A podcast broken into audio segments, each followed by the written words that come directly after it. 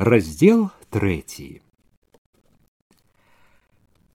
пачынала днець калі башлыкоў прачнуўся ён заўважыў у вокнах бела і адразу пацягнуўся да гадзінніка было без дзесяці девять ганьба даўно так доўга не валяўся ў ложку а ён адкінуў коўдру скочыў хапатком нацягнуў галіфе абуў боты сарваў з свічка накінуў ручнік на шыю у майцы рушыў да ўмывальніка умывальнік жалезны бачок вісеў на сцяне каля дзвярэй у бакоўцы кухні блізка ад умывальніка была печ крываватая пабеленая падобная на іншыя печы ў мястэчку і ў вёсках пры печы корпалася гаспадыня цыля башлыкоў прывітаўся з ёю і дзелавіта схіліўся над эмалевым тазікам што стаяў пад бачком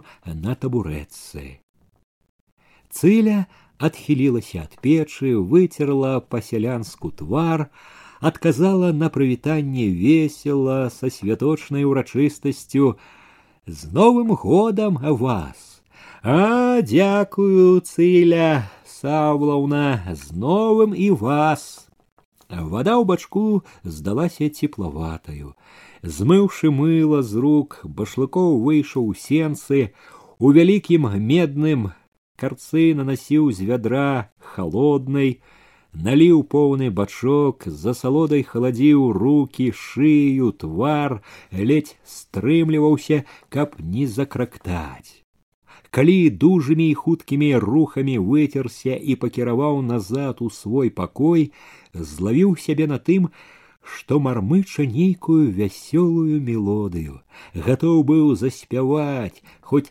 спяваць наогул не любіў і не ўмеў у душы ўздымалася невядомая хлапчукоўская радасць толькі намерыўся адчыніць дзверы ў свой пакой як хтосьці праляцеў паўз вокны у сенцах бразнула клямка праз момант сенцаў уварваўся расчырванелы у паліто на росхрыст лёва Лёва таксама быў у выдатным настроі ці ад таго, што зрабіў нешта ўдалае, ці ад таго проста, што прабег па марозе, што маладая кроў загаварыла.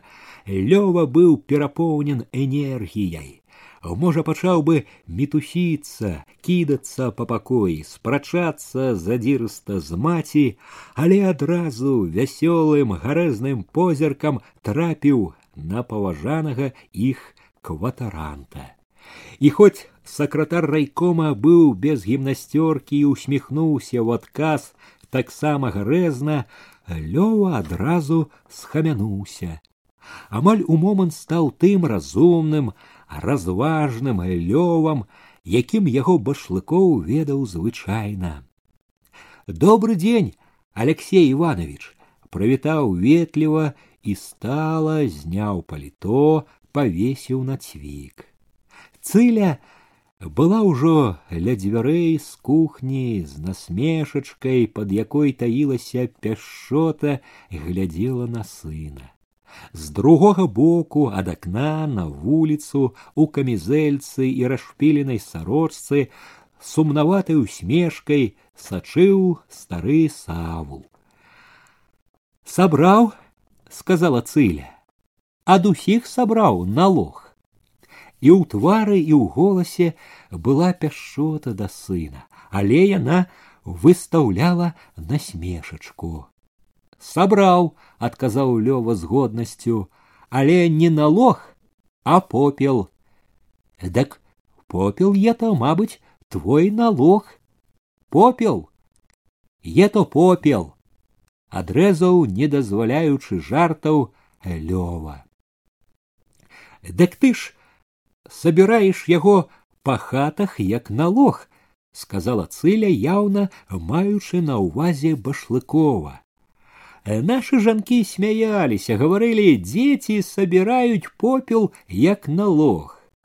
Не трэба слухаць глупства, адрэзаў лёва. Башлыкоў ведаў, пра што гаворка. Лёвавы камсамольцы ўзяліся сабраць для падшэфнага калгаса для рассвета 30 пудоў попелу. З гэтай мэтай хлопцы абышлі многа местачковых хат, растлумачылі, што попел ёсць карыснае ўгнаенне і дамовіліся, што попел будуць зберагаць і аддаваць ім. З дня ў дзень камсамольцы абыходзілі хаты і збіралі попел, вось і сёння лёва вярнуўся якраз з аднаго такога абходу. Башлыкоў разумеў, што гаспадыня запаліла гэту гаворку дзеля яго забавы, але не лічыў годным забаўляцца з таго, што рабілі хлопцы.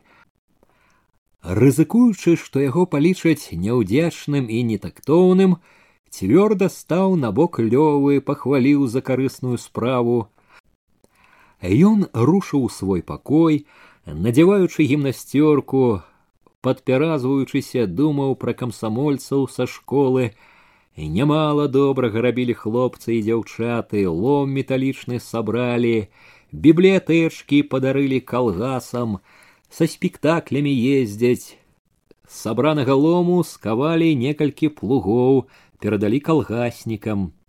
Але думкі пра гэта былі нядоўга і хвалявалі мала. Карцела іншая, карцела радасць, тая, якая бруілася, калі плёскаўся пад умывальнікам, якую перапынілі лёва і цыля.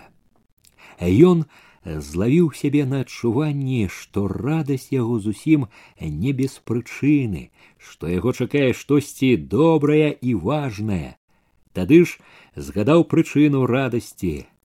Сталін, яго выступленне, газета з выступленнем у кабінеце чакае, услед, а можа і разам дзіўна з'яднаўшыся са згадкай пра выступленне, увайшло ў душу, быў у школе дамовіўся. Сёння як сцямнее пабачыцца. Гэта узрушыла моцна. Гэта аж заліло гарачым нецярплівым. Сёння як сцямнее. Ад хвалявання ён захадзіў неспакойна і дужа першы момант не думаў нічога быў перапоўнены хваляваннем незвычайным здавалася неймаверным прадчуваннем сэрца білася так гулка так молада што адчуў няёмкасць папракнуў знарок сябе як хлапчук тады ў хваляванне яго прарваліся ўспаміны нібы нанова ўбачыў яе перад сабой зноў уразіўся яе хараству якая красуня і дзе вырасла і колькі хараства не толькі знешняга а і ўнутранага якая годнасць згадаў як кіўнула сёння як сцямнее успомніў нялёгка было сказаць ёй але ён сказаў дамовіўся Зрабіў тое, чаго так хацелася.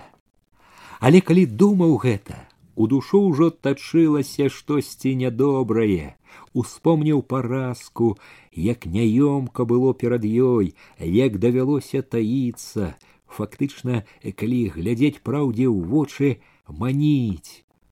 Ён запярэчыў сабе, не маніў ён, нельга было інакш не меў ён права, калі на тое выдаваць тайну іх без згоды яе кахання свайго.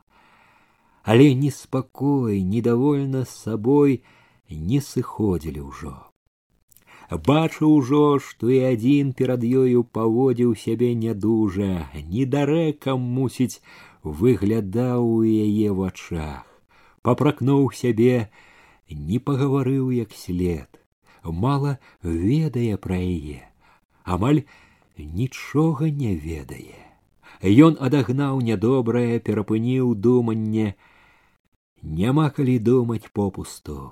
час дарагі трэба на працу энергічнымі рухамі зняў паліто надзеў з шапкаю ў руцэ выйшаў у суседні пакой кіруючыся на вуліцу на работу сустрэў яго стары савул на работу у голасе старога было ці то здзіўленне ці то папрок савул глядзеў з-пад акуляраў востра дапытліва нібы турбавала штосьці і не мог сам высветліць сёння новы год аб'явіў ён значным тонам і змоўк і глядзеў дапытваючыся з-пад акуляраў. Башлыкоў не разумеў што ад яго трэба. Так новы год. Савул кіўнуў. Аказалася яму гэтага было пакуль даволі. Помаўчаў як бы даваў зразумець значнасць таго што сказана ці скажа зараз з кухні паявіўся дажоўваючы нешта лёва зірнуў насцярожана на дзеда але не сказаў нічога раней пасля новага года загаварыў савул тонам прапаведніка быў святочны дзень ці як цяпер гавораць выходны дзень. Цяпер гэты парадак адмяняецца. Башлыкоў усміхнуўся, усмешка была паблажлівая, стары настроены па-філасофску, адказаў з адчуваннем перавагі. Раней многа чаго было. Многа розных забабонаў, пацвердзіў упэўненая лёва. Дзед кінуў на яго пагардлівы позірк, як бы загадаў маўчаць, не ўцінацца ў гаворку сталых, мудрэйшых, глядзеў толькі на башлыкова, глядзеў востра, строга. Ёлку на новы год, напрыклад, вы лічыце таксама забабонам. Дзед вымавіў забабонам з націскам яхідна. За бабонам усміхнуўся башлыкоў. Стары не адступіў. З вядомай ужо башлыкову звычкі дабіваўся высветліць усё да рэшты. Новы год без ёлкі, хіба это свято? У нас новы год будзе ў працы. Праца ето наше свято, убіўся зноў лёва. Дзед зноў звысака зіркнуў на ўнука, помаўчаў засяроджана. Значыць, выходны дзень на новы год не будзе. Рабіць будзем. Дзед улавіў нецярплівасць башлыкова, спыніў цікаўнасць сваю, пачціва падзякаваў, пакланіўшыся. Башлыкоў рушыў да сянец. На ганку вочы засляпіла белым, метуслівым, грудзі заліло свежым халадком, мяло круціла, солнце весело паблісквала ў белай метусні, сама прырода нібы радавалася з ім. Выходны дзень Які тут можа быць выходны і што такое наогул выходны? Забыў ужо, што гэта такое. Ніякіх выходных даўно няма, ад таго і забыў можна сказаць. Даўно не было выходных, і сам не сядзеў, і людзям не даваў, а раней не да таго было цяпер тым больш няма калі сядзець не да таго. Боты цвёрда мерлі мяккую ружаватую бель чуў у нагах ува ўсім целе маладую нецярплівую дужасць. Сам добра разумеў прычыну яе. Сталін яго выступленне. Памяць пра гэта ўвесь час жыла бруілася праменілася як солнца ў снежнай метусні. ішоў лёгка і молада з юначай задзірыстасцю паглядываў на вуліцу на дамы абапал на людзей учарнелыя драўляныя пабудовы і аблезлыя камяніцы хмурна і санліва драмалі абапал на дзвярах і аканіцах крам усюды завалы людзей амаль не відаць ды і тыя марудлівыя як бы санлівыя спакой і ціша ў мястэчку драміце драміце хутка абудзіцеся разварушым ваши бярлогі запляснелыя новы год гэтай будзе сапраўды новым. Пабачыце ледь распрануўся ў баковачцы ў сталоўцы прысеў да стола ліза была побач і толькі зірнула пільным вокам зразумела настрой сакратара райкома у момант на стале з'явіліся талерка з хлебам талерка з рагу і пюрэ шклянка чаю еў маўкліва засяроджана і хутка непрыкметна для сябе па даўняй звычцы налягаў на хлеб апетыт сёння быў выдатны башлыкоў усё ўбіраў са смакам быў заклапочаны спяшаўся а ў памяць зноў увайшло школа і яна размова з ёю да цябе прыехаў сёння як сцямнее захвалявала пагнала кроў гарачэй унесла ў бадзёрую яснасць клопатнасць што і радавала і непакоіла гэта разбівала думкі і ён адагнаў непатрэбнае думанне зноў былі ганак санлівая ціша і снежная мітусня жыццярадасны засяроджаны чалавек цвёрда крочыў вуліцаю да райкома на ганку значыліся сляды прыцярушаныя снегам і зусім свежыя. У калідоры патхнула цяплом жылля, жыццём знаёмым, добрым душы і надзейным. Поцімкам калідора ён звыкла пакіраваў да дзвярэй прыёмнай міша, што гнуўся над нейкай паперай, адразу ўскочыў, ускочыў, вядома, хвалячыся спрытам гатоўнасцю зрабіць усё добрый дзень алексей иванович з новым годам вас сказаў нібы робячы падарунак башлыкоў павіншаваў таксама ветліва і сабрана фрэнч галіфе мішавы былі прымяты а зграбная мішава постаць была поўная энергіі і імкнення Аднак башлыкова гэта не шукала, пільным вокам адзначыў адразу. Мішаў твар быў шараваты, прытомлены. Спаў міша было відаць мала, пагуляў у гонар новага. Распрануўшыся ў кабінеце, прычасаўшыся, абцягнуўшы рэмень, стрымаў мішу, што ўварваўся з папкаю ў руцэ. Пачакай, потым паказаў далонню пачакаць у прыёмнай. Энергічны стройны рушыў з кабінета, як заўсёды выказваючы сабранасць, Ён цяпер не таіў урачыстасці ў абліччы, у словах, у кожным кабінеце пакоі шчырыя, узрушаныя, з новым годам кароткае пажаданне і моцны дужы поціск рукі.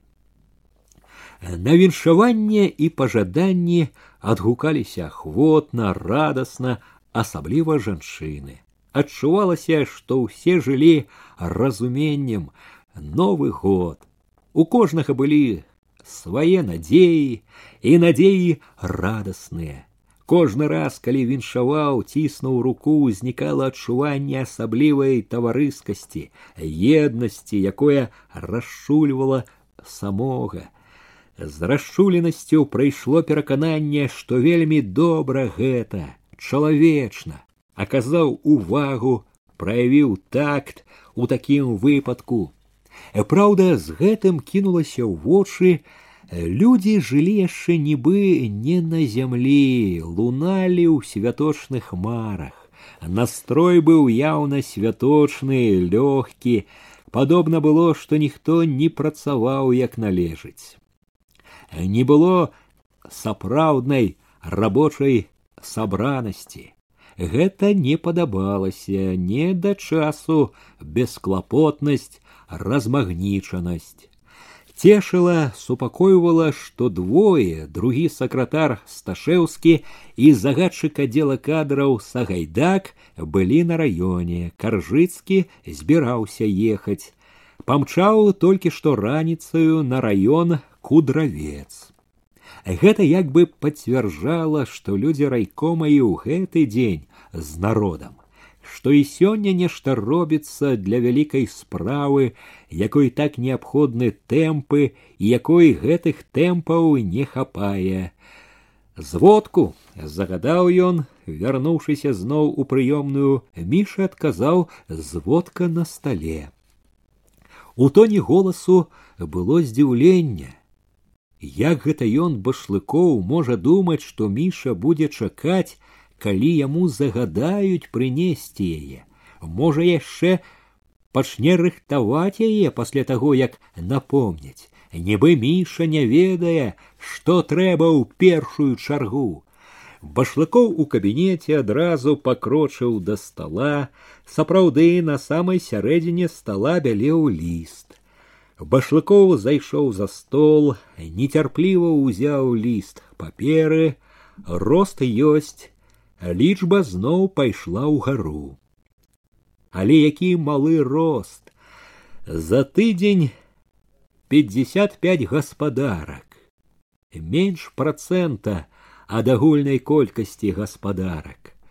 За цэлы тыдзень чарапашыя тэмпы увайшоў міша башлыкоў узняў вочы што яшчэ міша сказаў трэба падпісаць так трэба падпісаць паслаць у акружком падпісаць распісацца ў сваім адставанні у няўменні павесці народ за сабою у насцярожанай увазе мімаволі адзначылася міша ў твар неадпаведна падзеі недарэчна быў вясёлы бесклапотны але не сказаў нічога перамаўчаў калі падаваў падпісаную зводку здзівіўся міша по ранейшаму посміхваўся з нейкім нібы намёкам незразумела гулліва башлыкоў зірнуў недовольна патрабавальна міша засмяяўся па-дружбацку змоўніцкі. Соня учора пра вас гаварыла растлумачыў ён шчыра. Глядзі ай кажа пра вас. Прыклад табе. Яна лічыць што я як яна выражаецца за кожнай спадніцай гатоў пагнацца што я толькі і думаю пра іх спадніцы.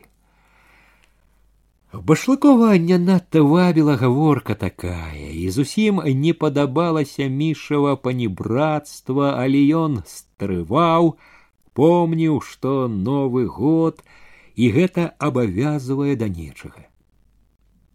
Міша яшчэ смялеў. Алексей Иванович, можна по сакрэту.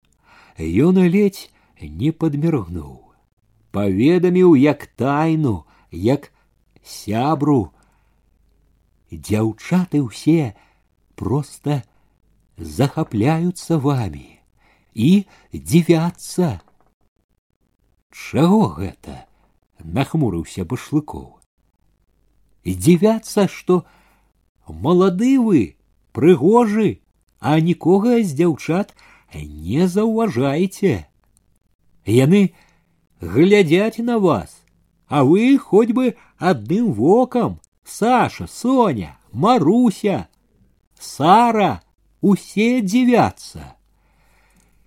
Скажы, няхай не дзівяцца.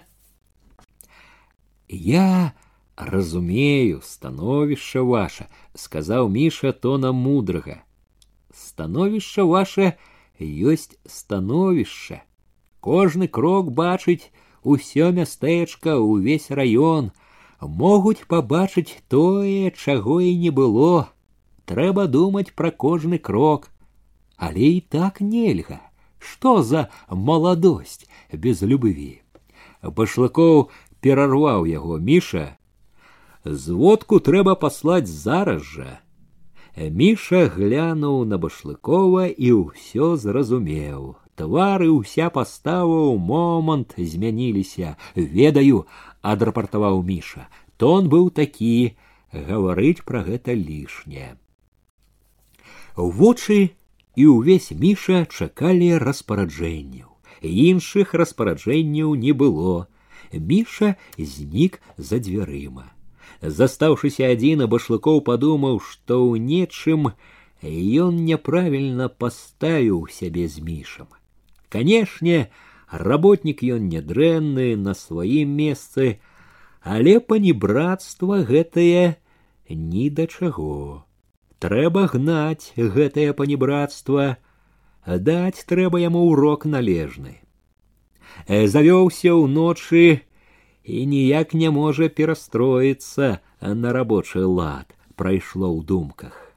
Але больш хвалявала іншае і згадка пра тое што дзяўчаты дзівяцца і словы мішавы пра яго становішча кожны крок бачыць усё мястэчка у гэтае думанне зноў варвалася школа ў глінішчах аблічча той да цябе прыехаў сёння як сцямнее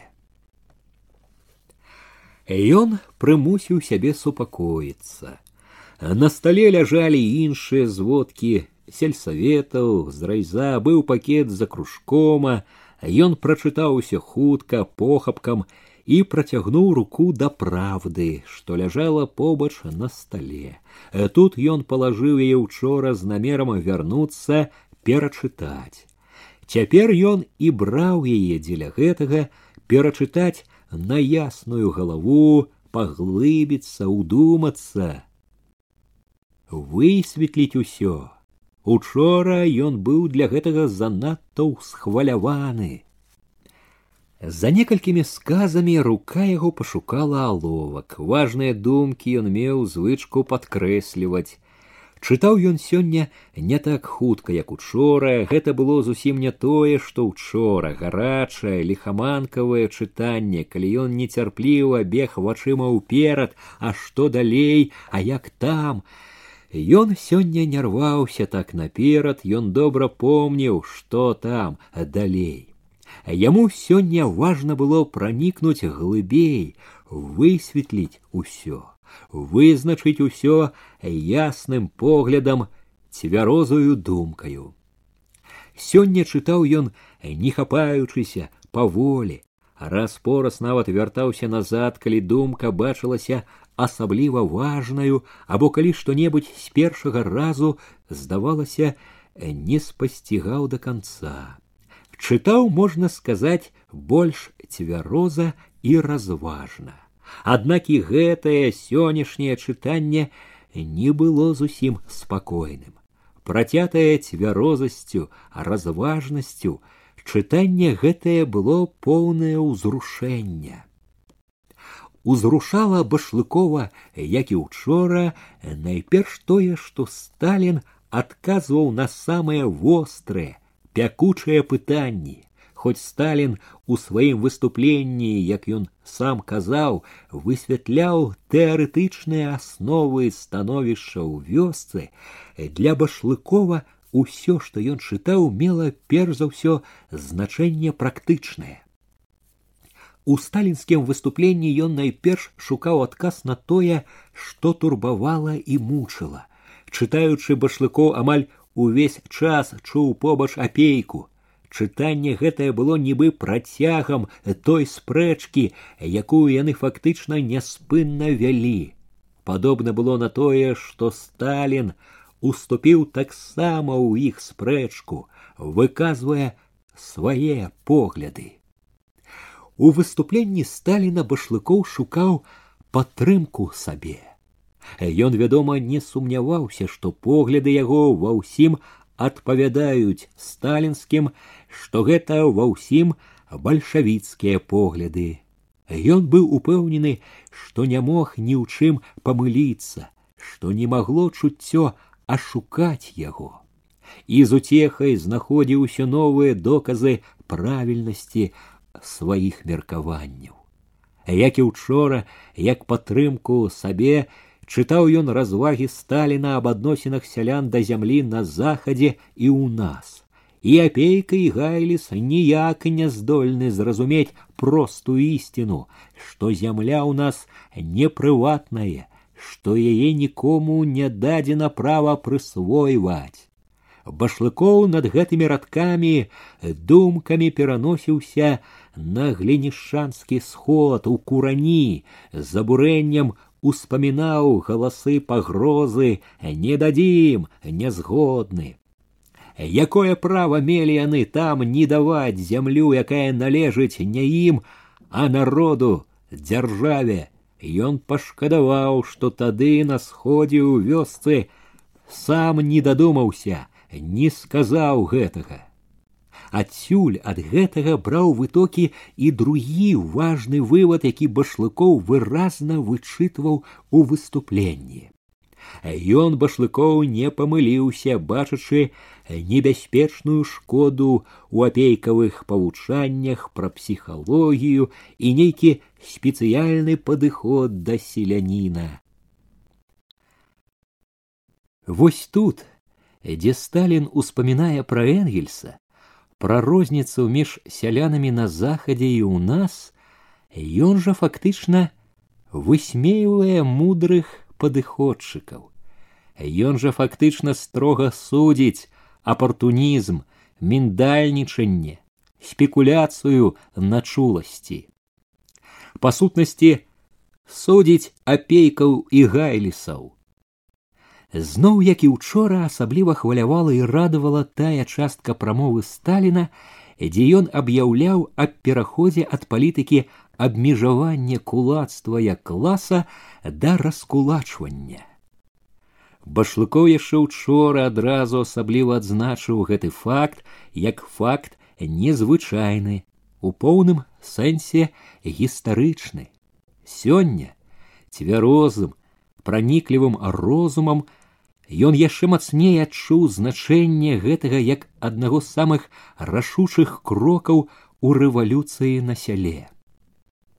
Э тут Сталін бачыў башлыкоў, асабліва моцна біў па асцярожненькіх ціхаходах тыпу апейкі з асаблівай смеласцю зваў наперад. Башлыкова проста захаплялі цвёрдасць і рашучасць Сталіна. У памяці між іншага мімаволі праходзілі глінішанскі сход гаворкі ў куранях і душу радавала прачуванне блізкіх вялікіх падзей рашучых дзеянняў Ён усёй душой прагнуў гэтых рашучых дзеянняў так і трэба даволі слоў асцярожнасці міндальнічання Башлыкоў з захапленнем ухваліў што пытанне пра тое ці можна дапусціць раскулачванне смешнае. Гэта пытанне могуць ставіць толькі недарэкі бухарынцы ці падобныя ім недабіткі.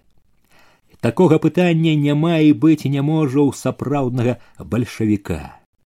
Башлыкоў зноў засмяяўся калі прачытаў зняўшы галаву па валасах не плачуць вельмі падабалася башлыкову гэта ўменне сталіна ў належны момант сцебануць слоўцам прымаўкай.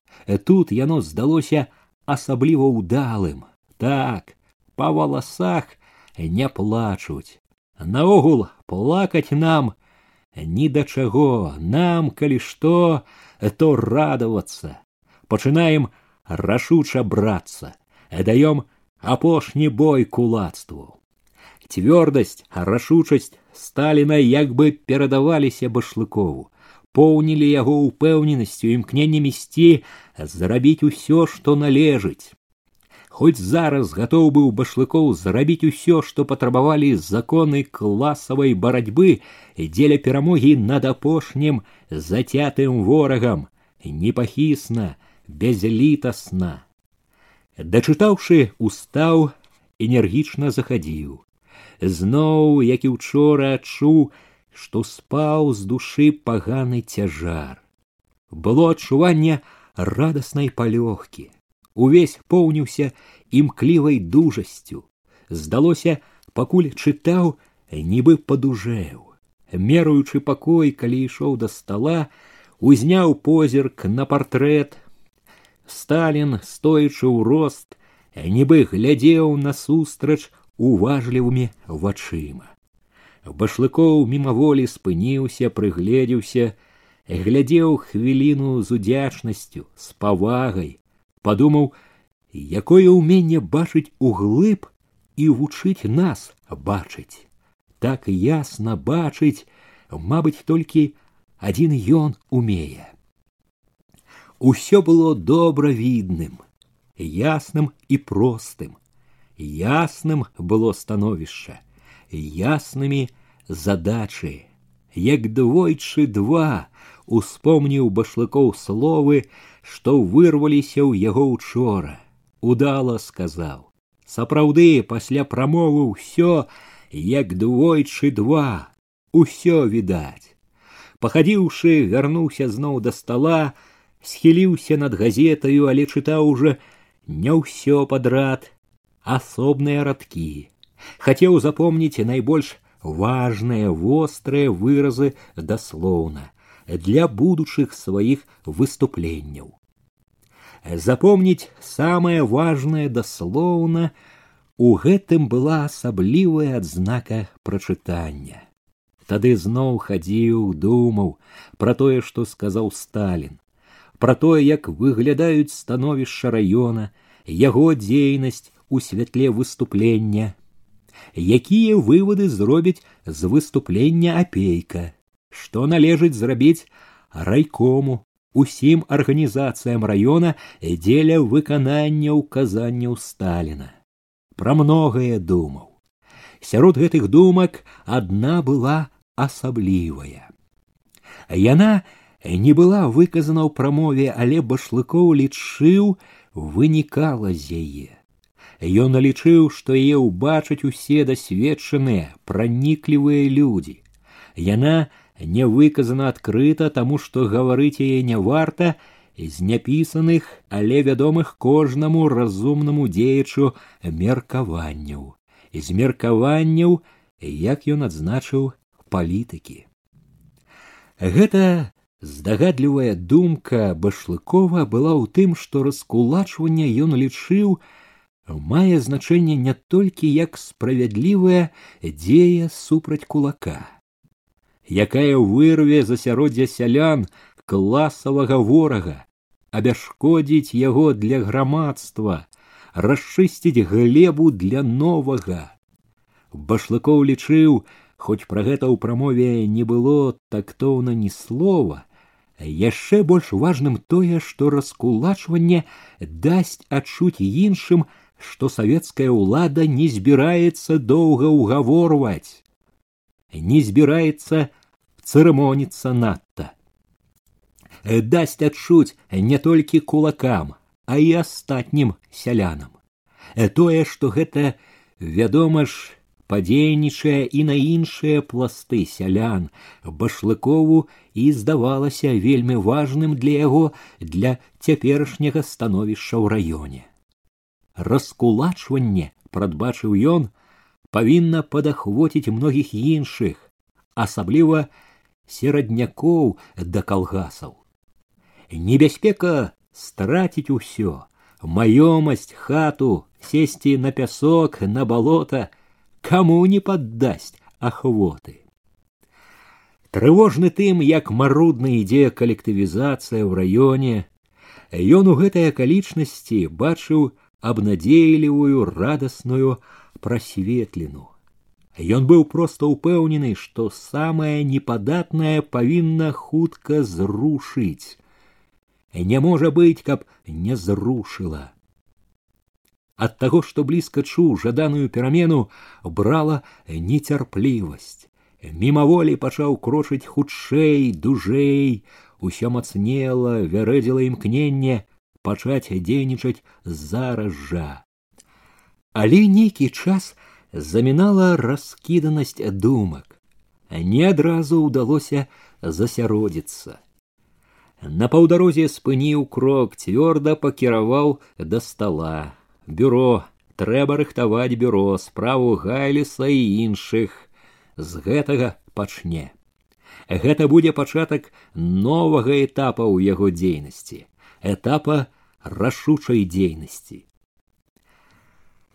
з гэтым увесь час амаль не сціхаючы жыло іншае што не рабіў пра што не турбаваўся увесь час помніў сёння як сцямнее амаль неадступна ці хадзіў ці рупіўся за сталом адчуваў побач тую глінішчанскую нельга сказаць каб прагнуў гэтага больш было такое меркаванне што ёй тут пакуль не трэба быць цяпер не яе час яе час будзе пазней і месца іх іншае увечары як сцямнее на дарозе з вёскі дзе бярозы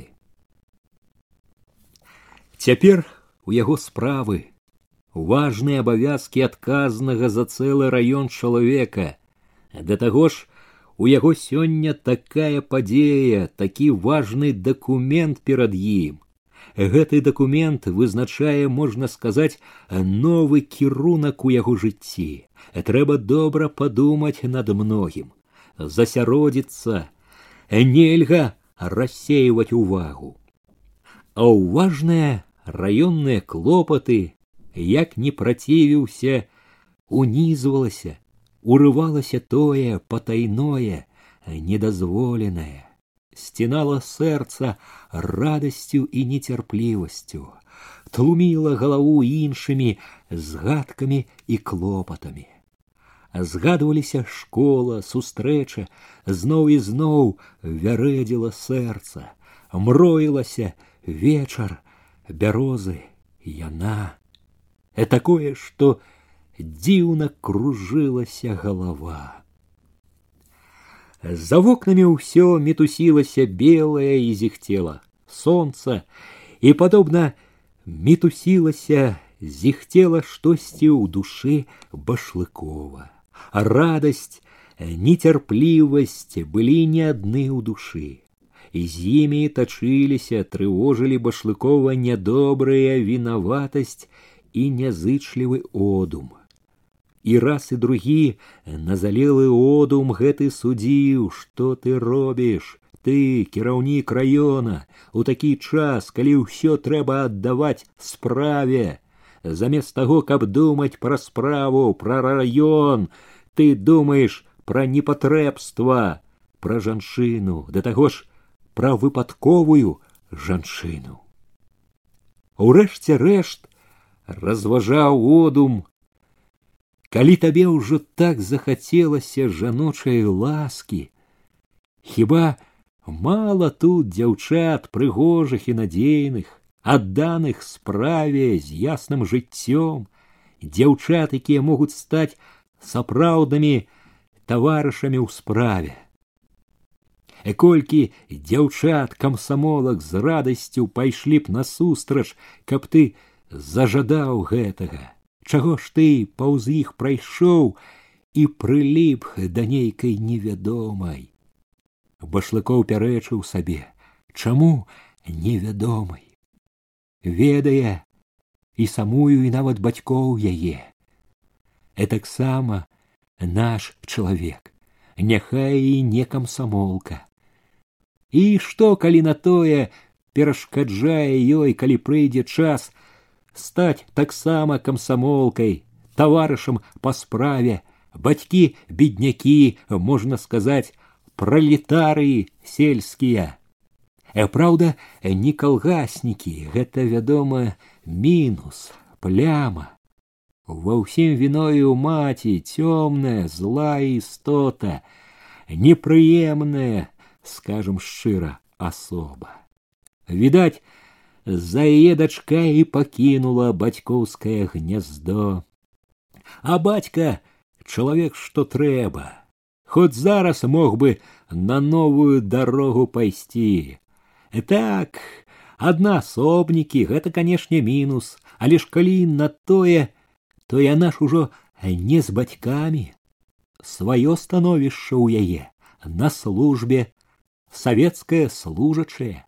Ды і з бацькамі павінна паправіцца, быць не можа, каб не паправілася, да таго ідзе. Сярод усяго ўнізвалася няёмкае становішча яе.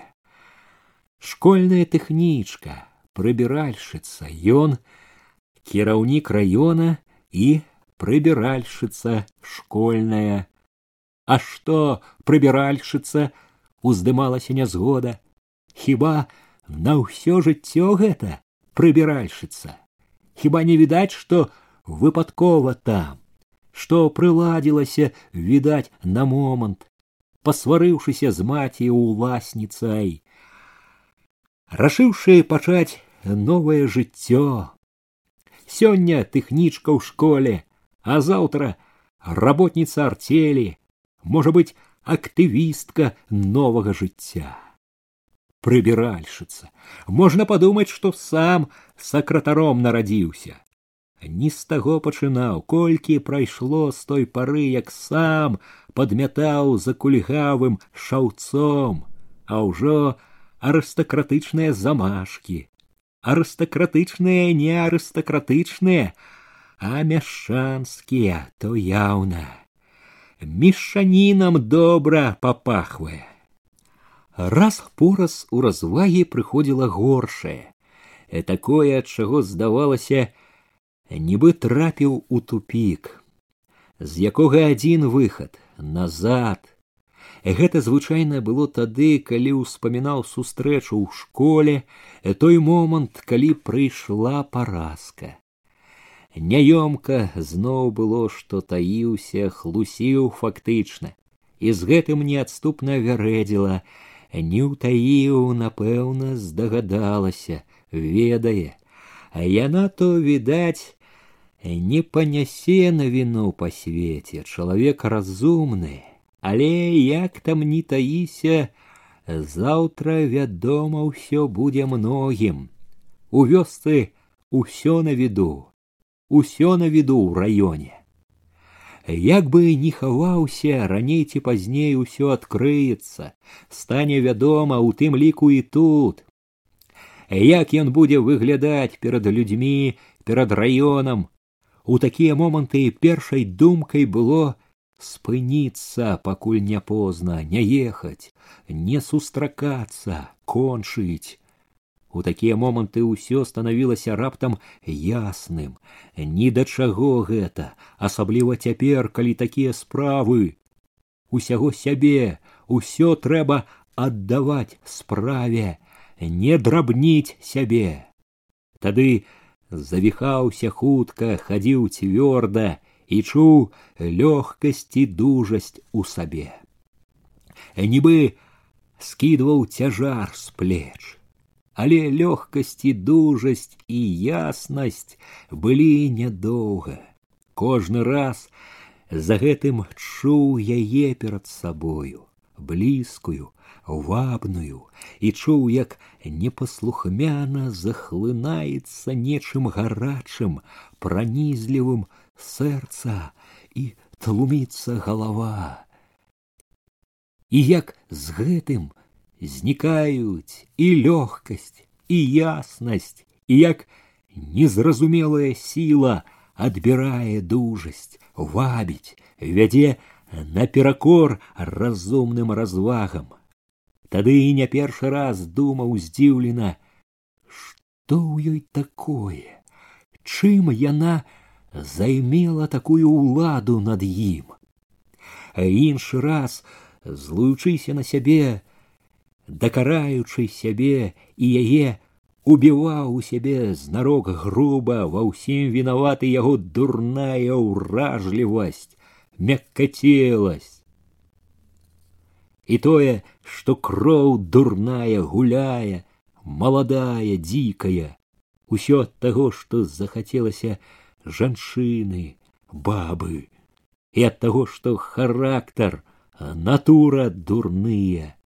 калі захацеў што не ўмее стрымлівацца адступаць ад прыроды такі і не ўмее зыначыць сябе калі спакайнеў здзіўленне было іншае закахаўся любіць сустрэў выпадкова ў такі паганы вечар і закахаўся не разгледзеў толкам у той вечар а прыкіпеў не разгледзеў а не памыліўся колькі бачыў жанчын а такую здаецца першую сустрэў за ўсё жыццё першую такую ідзе і вось жа у душы так нібы нікога не было дасюль роўнага ёй і такое ў душы нібы не сустрэне больш такой як яна. А можа і не сустрэне не сустрэў жа раней. Не было ж раней такога ні да адной. Можа гэта доля яго. Не гэта не абы што. Гэта рэдкасць. Такое хараство такі розум.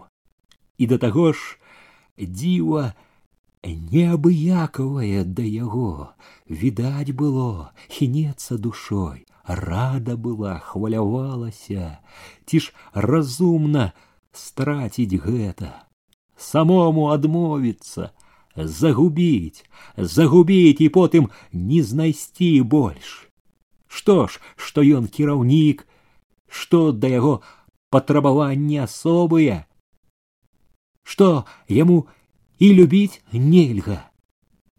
У такія хвіліны турбавала практычнае, дзе б ім знайсці нейкі прыстанак для сустрэч. Ну, сёння сустрэча кароткая, можна і пастаяць пад бярозамі, а дзе потым не стаяць жа сярод дарогі ці лесу, марозіць яе.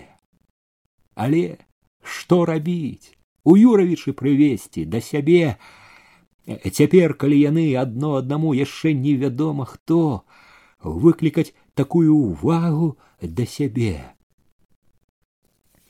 у школу да яе таксама нельга.